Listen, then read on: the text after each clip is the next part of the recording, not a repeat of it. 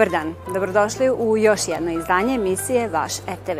U narednim minutima ostanite uz male ekrane i poslušajte šta to imamo za vas za naredne dane.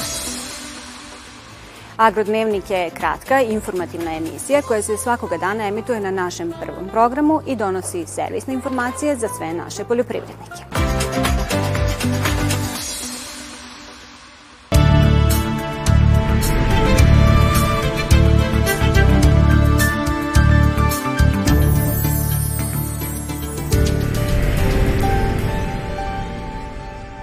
Agrodnevnik kao dnevno informativna emisija o poljoprivrednoj proizvodnji emituje se svakog radnog dana od 15 časova na prvom programu radio televizije Vojvodine i sve tako od oktobra 2014. godine pa do današnjeg dana.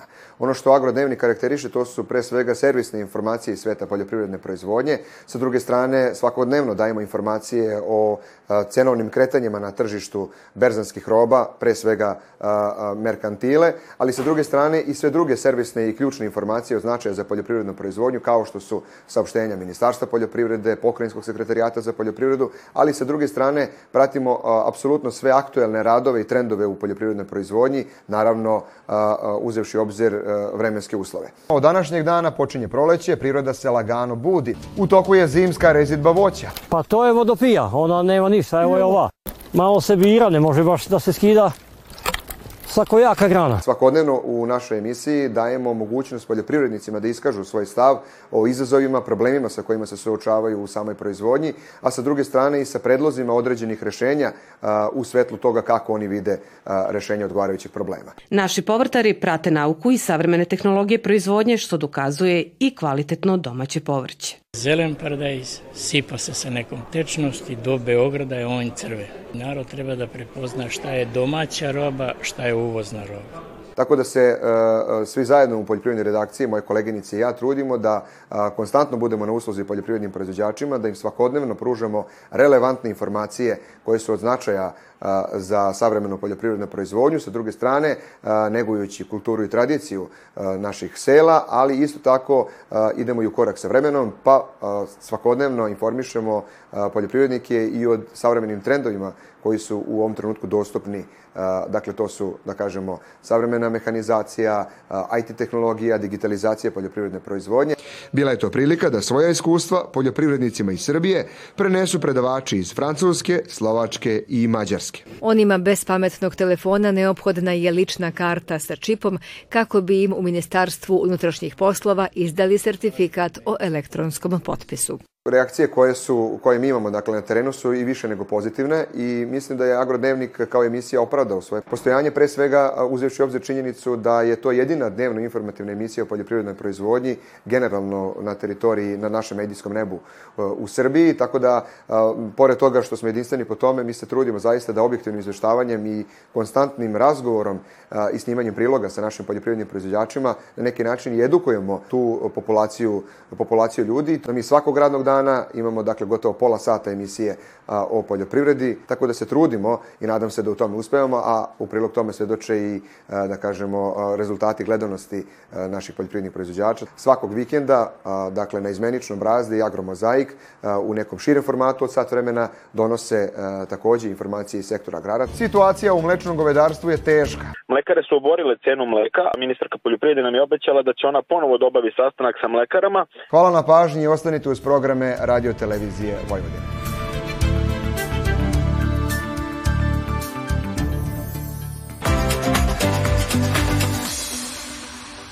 I ovoga puta za vas ćemo izdvojiti najzanimljivije delove iz priloga koje ste voleli da gledate u proteklih godinu dana. Otvorila sam vrata i zakoračila u najčuveniju sobu na svetu. Vincenta sam zatekla kako sedi na ivici kreveta. Brzo sam se spustila na najbližu stolicu. Osetila sam kako su se niti od slame ulegle od moje težine. Za mene je možda najveći izazov bio da pronađem knjige kojih ćemo zapravo napraviti dramski intermeco. Dramski intermeco je posvećen afirmaciji i promociji e, proze za decu e, naših poznatih e, savremenih proznih pisaca i spisateljica. Volela bih da čujem sad vas. Šta mislite o svemu ovome? Pišite mi u komentarima. I ne zaboravite like i subscribe. Vidimo se uskoro. Voli vas Ingrid, vaša Zelena Ingrid.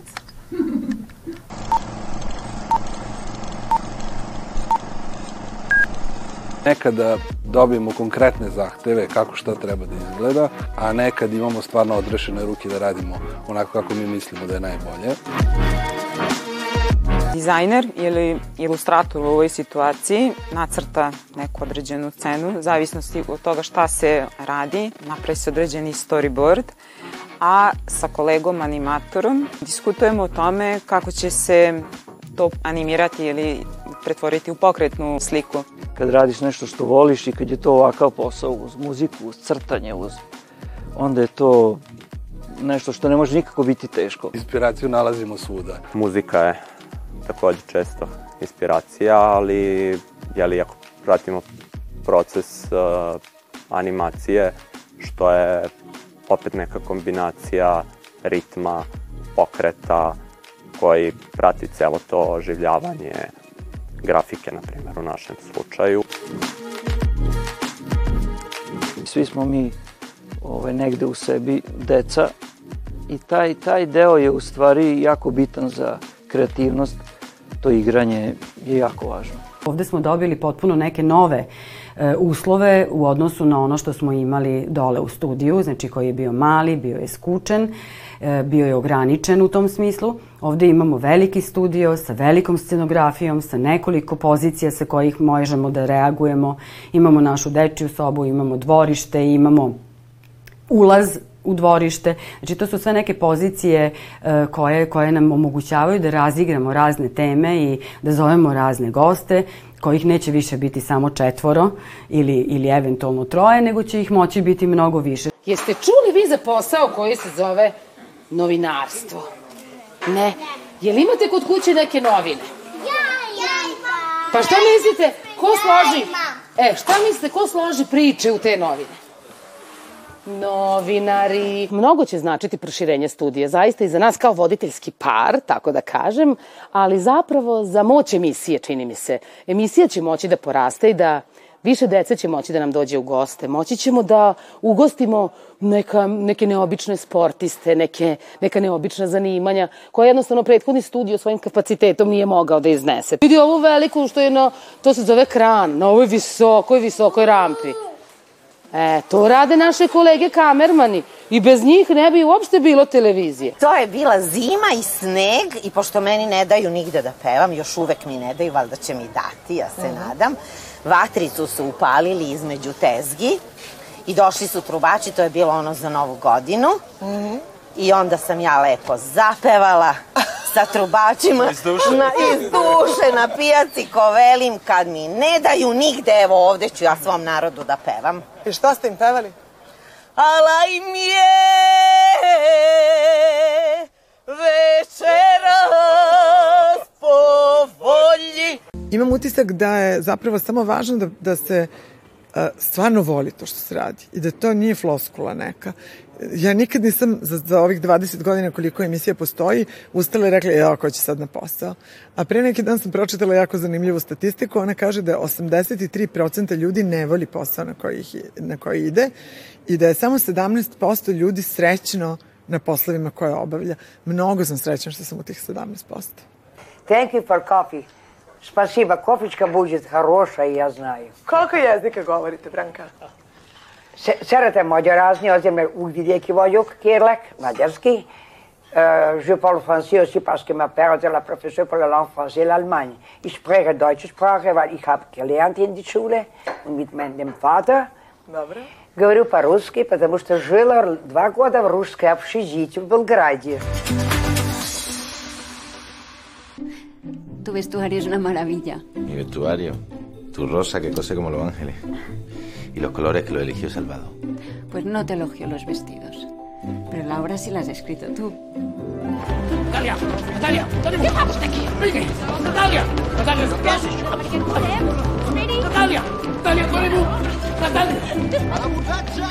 Kada je Margarita Širgu u leto 1926. godine u baru u Madridu upoznala Federika Garcia Lorku, on je bio mladi dramaturg i upitna investicija za većinu producenata. Ali Širgu, katalonska glumica i rediteljka koja je između ostalog i politički radikal, bila je poznata po svojoj spremnosti da rizikuje. Prihvatila je izazov i u Barceloni postavila Lorkinu Marijanu Pinedu sa kostimima umetnika Salvadora Dalija. Međutim, Španija je pod diktaturom i ona ne toleriše prikazivanje ove slobodoumne predstave. Vlasti joj prete zatvorom ili izdanstvom ukoliko je izvede, ali Širgu u ime slobode ne popušta pod pritiskom. De fet, en tenim prou. El convent, en perspectiva. Dos tonos de gris un poquito de azul. Voy a por los bocetos. Yo aviso a la compañía.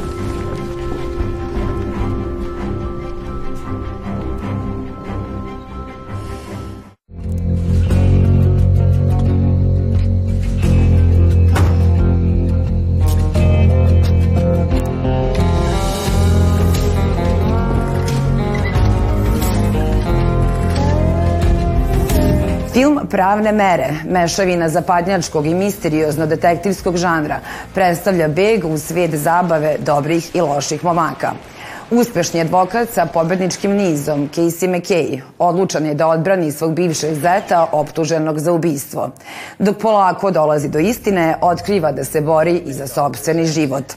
Cela glumačka ekipa, Eric Lowes, Tanya Clark, Christian James, Mark Ashworth i naravno Tommy Flanagan su fenomenalni u ovom ostvarenju. Ne prepustite ga ovog vikenda. Mr. Casey. Uh, Mr. Gates, I presume? Well, it seems to me, as you're digging Jay's grave, you're shoveling some dirt onto me. Oh, I'm not in the business of digging graves. What are you in the business of? Justice. Well, I get my own justice, Mr. McKay. Hey, look, look, don't sugarcoat it. Just threaten me like a man and then walk away. See, I, I got a date tonight, so.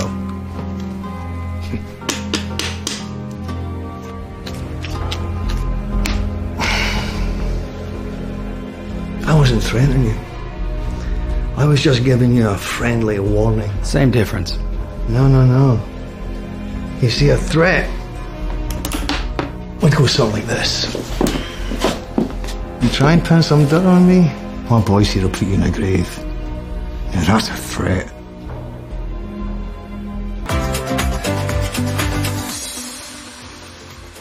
I stigo smo i do kraja našeg današnjeg izdanja. Nadamo se da ste u proteklih 15 minuta uspeli da pronađete dovoljno dobrih razloga da nas pratite i u narednim danima. A mi se vidimo ponovo narednog petka od 16 časova. Doviđenja i prijatno.